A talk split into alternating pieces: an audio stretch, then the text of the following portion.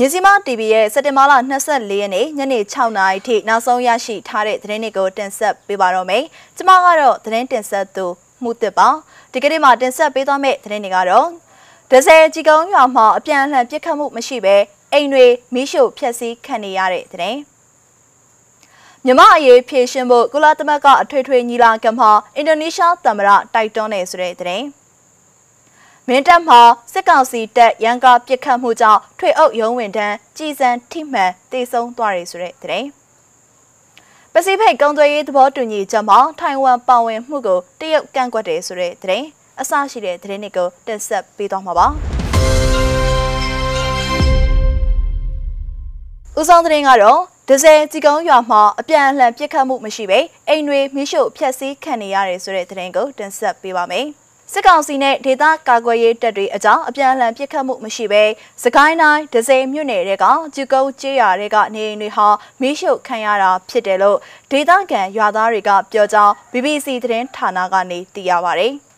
။ជីကုန်းကျေးရွာထဲမှာစက်တင်ဘာလ22ရက်နေ့ညပိုင်းကရဲတပ်ဖွဲ့မိသားစုဝင်တွေနေအိမ်ကိုအမည်မသိလူတစုကဝင်ရောက်ပြီးဖောက်ခွဲမှုတွေလုပ်တာနေအိမ်ကိုမီးရှို့တာတွေလုပ်ခဲ့လို့မိသားစုဝင်တွေအားလုံးတေဆုံးသွားခဲ့ပါတယ်။ အဲ့ဒီညမှာပဲရွာသားတွေအားလုံးနေအိမ်တွေကနေထွက်ပြေးတင်းရှောင်ခဲ့ပြီးနောက်တရက်မှာစစ်ကောင်စီဘက်ကရွာအတွင်းဝင်ရောက်ခဲ့ပြီးနေအိမ်၁၈လုံးကိုမိရှို့ခဲ့တယ်လို့ဒီကနေ့စက်တင်ဘာလ24ရက်နေ့မနက်ပိုင်းမှာလဲနေအိမ်၅လုံးကိုဝင်ရောက်မိရှို့ခဲ့တယ်လို့ရွာသားတွေကပြောပါတယ်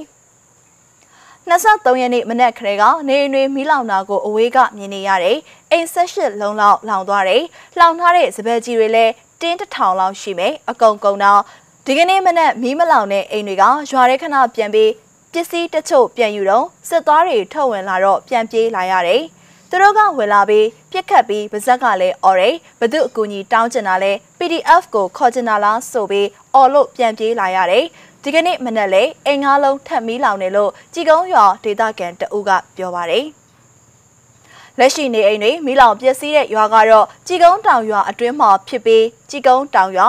မြောက်ရွာအတွင်းကဒေသခံတွေအားလုံးကထွက်ပြေးတင်းရှောင်နေရတယ်လို့ဒေသခံတွေကပြောပါတယ်။လက်ရှိကြည်ကုန်းရွာမှာစစ်ကောင်စီနဲ့ဒေသကာကွယ်ရေးတပ်တွေကြောင့်အပြန်အလှန်ပစ်ခတ်မှုတွေမရှိပဲစစ်ကောင်စီဘက်ပစ်ခတ်မှုနဲ့မီးရှို့မှုတွေလုပ်နေတာဖြစ်တယ်လို့ဒေသခံတွေကပြောပါတယ်ရှင်။နောက်ထပ်သတင်းကတော့မြမအရေးဖြည့်ရှင်ဖို့ကုလသမဂ္ဂညီလာခံမှာအင်ဒိုနီးရှားသမ္မတတိုက်တွန်းနေဆိုတဲ့သတင်းကိုတင်ဆက်ပေးကြပါမယ်။ အမေရိကန်ပြည်ထောင်စုနယူးယောက်မြို့မှာကျင်းပနေတဲ့ကုလသမဂ္ဂအထွေထွေညီလာခံမှာတက်ရောက်မေကွန်ပြောကြားခဲ့တဲ့အင်ဒိုနီးရှားသမ္မတဂျိုကိုဝီဒိုဒိုဟာမြမပြည်တွင်းရေးအခြေအနေကိုအလေးထားပြောဆိုခဲ့ပါတယ်။မြန်မာနိုင်ငံရဲ့အကြက်တဲပါလက်စတိုင်းတွေရဲ့မအောင်မြင်တဲ့လွတ်လပ်ရေးနဲ့အာဖဂန်နစ္စတန်နိုင်ငံတွင်အကြမ်းဖက်မှုတွေနဲ့အမျိုးသမီးတွေကိုအလေးမထားတဲ့လုပ်ရက်တွေနဲ့ပတ်သက်တဲ့စိုးရိမ်မှုတွေဟာ ကမ္ဘာနိုင်ငံတွေရဲ့ဘုံလုပ်ငန်းစဉ်တရက်ဖြစ်ရမယ်လို့လဲစက်တင်ဘာလ23ရက်နေ့ကသူပြောခဲ့တဲ့မိကွန်းမှာထည့်သွင်းပြောကြားခဲ့ပါတယ်။ဆီယနာသိမ်းပြီးနောက်ပိုင်းမြမပြည်တွင်းအကြက်တဲကိုအပြေရှာဖို့အတွက်အင်ဒိုနီးရှားနိုင်ငံဂျာကာတာမြို့မှာဧပြီလအတွင်းကအရေးပေါ်အစည်းအဝေးတရက်ကျင်းပခဲ့ပြီးမြမစစ်တပ်အနေနဲ့အပြည့်အဝလိုက်နာပြီးလက်တွေ့အကောင့်ထဲဖို့ဆောင်ရွက်ရမယ့်ဘုံသဘောတူညီမှု၅ချက်ကိုလည်းချမှတ်ခဲ့ပါတယ်။ နိုင်ငံတကာအတိုင်းအဝိုင်းရဲ့ကြီးမားတဲ့မျှော်လင့်ချက်နဲ့ကိုက်ညီမှုမရှိအောင်တိကျခိုင်လုံတဲ့ခြေလှမ်းတွေလက်စုပ်လက်ကင်ပြနိုင်တဲ့ရလဒ်တွေရှိဖို့လိုအပ်တယ်လို့လည်းသမ္မတဂျိုကိုဝီဒိုတိုကတောင်းဆိုသွားခဲ့ပါတယ်။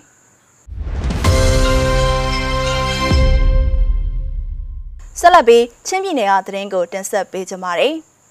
ချင်းပြည်နယ်မင်းတပ်မြို့ရဲစခန်းမှာတက်ဆွဲထားတဲ့အကြမ်းဖက်စစ်ကောင်စီတပ်ဖွဲ့ဝင်တွေမှစ က်တင်ဘာလ23ရက်နေ့မနေ့ကညမှာရန်ကားပစ်ခတ်ခဲ့တာတွေကြောင့်ထွေအုပ်ရုံးဝင်တဲ့အမျိုးသမီးတအူကြည်စံထိမှန်တေဆုံးသွားကြောင်းကိုဒေသခံတွေစီကနေသိရပါဗျ။ရဲစခန်းအောက်ဘက်မှာနေထိုင်တဲ့ထွေအုပ်ဝင်တဲ့ချင်းအမျိုးသမီးတအူအပေါ့သွားရန်ထွက်လာစဉ်စစ်ကောင်စီတပ်ရဲ့ရန်ကားပစ်ခတ်မှုကြောင့်ကြည်စံထိမှန်တေဆုံးသွားတယ်လို့ဒေသခံတအူကပြောပါဗျ။ အကြမ်းဖက်စစ်တပ်ရဲ့ရန်ကားပစ်ခတ်မှုကြောင့်တေဆုံးသူထွေအုပ်ဝန်ထမ်းစစ်ရေးအမျိုးသမီးမှာဒေါ်ရော်ရှမ်းလို့သိရပြီးဟီလောင်းရွာသူဖြစ်ကြောင်းလည်းသိရှိရပါတယ်။စစ်ကောင်စီတပ်တွေကအမြဲတစေရန်ကားပစ်ခတ်မှုများလှုပ်ဆောင်နေရမှာအဲဒီရန်ကားမှုတွေကြောင့်ပြည်သူများထိခိုက်ဒဏ်ရာရရှိခြင်းပြည်သူပိုင်ပစ္စည်းတွေပျက်စီးခြင်းများမကြာခဏဆိုသလိုဖြစ်ပေါ်လျက်ရှိနေပါတယ်ရှင်နိုင်ငံတကာသတင်းပတ်မှာတော့ ပစိဖိတ်ကုန်သွယ်ရေးသဘောတူညီချက်မှာထိုင်ဝမ်ပါဝင်မှုကိုတရုတ်ကန့်ကွက်တဲ့အကြောင်းကိုတင်ဆက်ပေးကြပါမယ်။သတင်းအပြည့်အစုံကိုတော့ရုပ်သံဖိုင်မှာရှုစားပေးကြပါအောင်ရှင်။ဘေကျင်းအနေနဲ့လည်းအဖွဲ့ဝင်ဖြစ်လို့ကြောင်းပြောဆိုခဲ့ပြီးရက်ပိုင်းအတွင်းမှာပဲပစိဖိတ်ဖြတ်ကျော်ကုန်သွယ်မှုသဘောတူညီချက်အတွင်းထိုင်ဝမ်ပါဝင်မှုကိုကန့်ကွက်ကြောင်းတရုတ်ကစက်တင်ဘာလ23ရက်ကြာသပတေးနေ့ကပြောဆိုလိုက်ပါတယ်။ 2018ခုနှစ်ကအာရှပစိဖိတ်17နိုင်ငံလက်မှတ်ရေးထိုးခဲ့တဲ့ပစိဖိတ်ဖြတ်ကျော်မိတ်ဖက်များကြားဘတ်စုံတိုးတက်ရေးသဘောတူညီချက် CPTPP ဟာဒေတာတွင်းရဲ့အကြီးဆုံးလွတ်လပ်စွာကုန်သွယ်ရေးသဘောတူညီချက်ဖြစ်ပြီးကမ္ဘာစီးပွားရေးရဲ့73.5ရာခိုင်နှုန်းခန့်ရှိပါတယ်။၎င်းစာချုပ်မှာပါဝင်ဖို့အတွက်ထိုင်ဝမ်ဟာ နှစ်ပေါင်းများစွာစီယုံခဲ့ပြီးကြာသပတေးနေ့မှာတော့တရားဝင်လျှောက်လွှာတင်သွင်းခဲ့ပါတယ်။ထိုင်ဝမ်ကိုကမ္ဘာမှာခြံထားလို့မရဘူး။ဒေတာတွင်းစီးပွားရေးမှာပေါင်းစည်းဖို့လိုတယ်လို့အစိုးရအဖွဲ့ပြောခွင့်ရဖင်ချန်းကသတင်းတောက်တွေကိုပြောကြားခဲ့ပါတယ်။ဒါပေမဲ့ကိုပိုင်အုပ်ချုပ်ခွင့်ရဒီမိုကရက်တစ်ထိုင်ဝမ်ကို၎င်းရဲ့ပိုင်တဲ့အဖြစ်သတ်မှတ်ထားတဲ့တရုတ်ကတိုင်ပေကိုပါဝင်ခွင့်မပြုသင့်ဘူးလို့ညင်းဆိုခဲ့ပါတယ်။ထိုင်ဝမ်နဲ့တရားဝင်ဆက်ဆံမှုလုပ်တဲ့ဘယ်နိုင်ငံကိုမဆို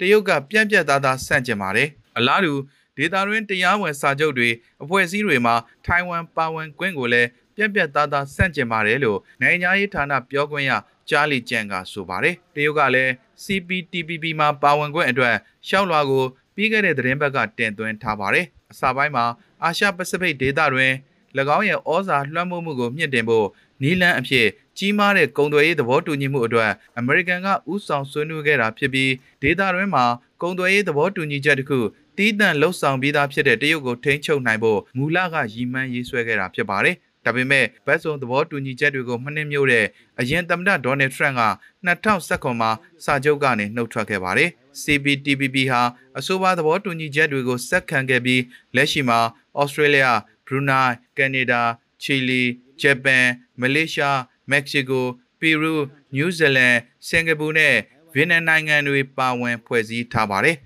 အဆိုပါသဘောတူညီချက်အတွင်းအသစ်ပါဝင်လိုတဲ့နိုင်ငံဟာအဖွဲ့ဝင်နိုင်ငံအလုံးရဲ့တညီတညွတ်တဲ့ထောက်ခံမှုကိုရရှိရမှာဖြစ်တဲ့အတွက်တရုတ်ရောထိုင်ဝမ်အတွက်ပါစူးစမ်းရုန်းကန်ဖို့လိုအပ်ပါတယ်။တရုတ်အနေနဲ့ထိုင်ဝမ်နဲ့တရုတ်ဝင်အပေးယူရှိတဲ့ဘယ်နိုင်ငံကိုမဆိုဆန့်ကျင်တယ်လို့ထိုင်ဝမ်ကိုလည်းဒေတာရင်းဘလို့စာချုပ်ဘလို့အဖွဲ့အစည်းမှမဆိုပါဝင်ခွင့်ကိုလည်းဆန့်ကျင်ပါတယ်။တရုတ်ရဲ့ရည်တည်ချက်ကရှင်းလင်းပါတယ်လို့နိုင်ငံရေးဌာနပြောခွင့်ရကြားလီကျန်ကဆိုပါတယ်။ကမ္ဘာမှာတရုတ်နိုင်ငံဆိုတာတခုပဲရှိတယ်။ ထိုင်ဝမ်ဆိုတာတရုတ်ရဲ့ကွဲထုတ်လို့မရတဲ့အစိပ်ပိုင်းတစ်ခုပဲ One China policy ဟာနိုင်ငံတကာတိုင်ဝမ်ကြားမှာကြဲကြဲပြန့်ပြန့်နားလည်သိရှိလက်ခံထားကြတဲ့ policy တစ်ခုဖြစ်ပါတယ်လို့သူကဆိုပါတယ်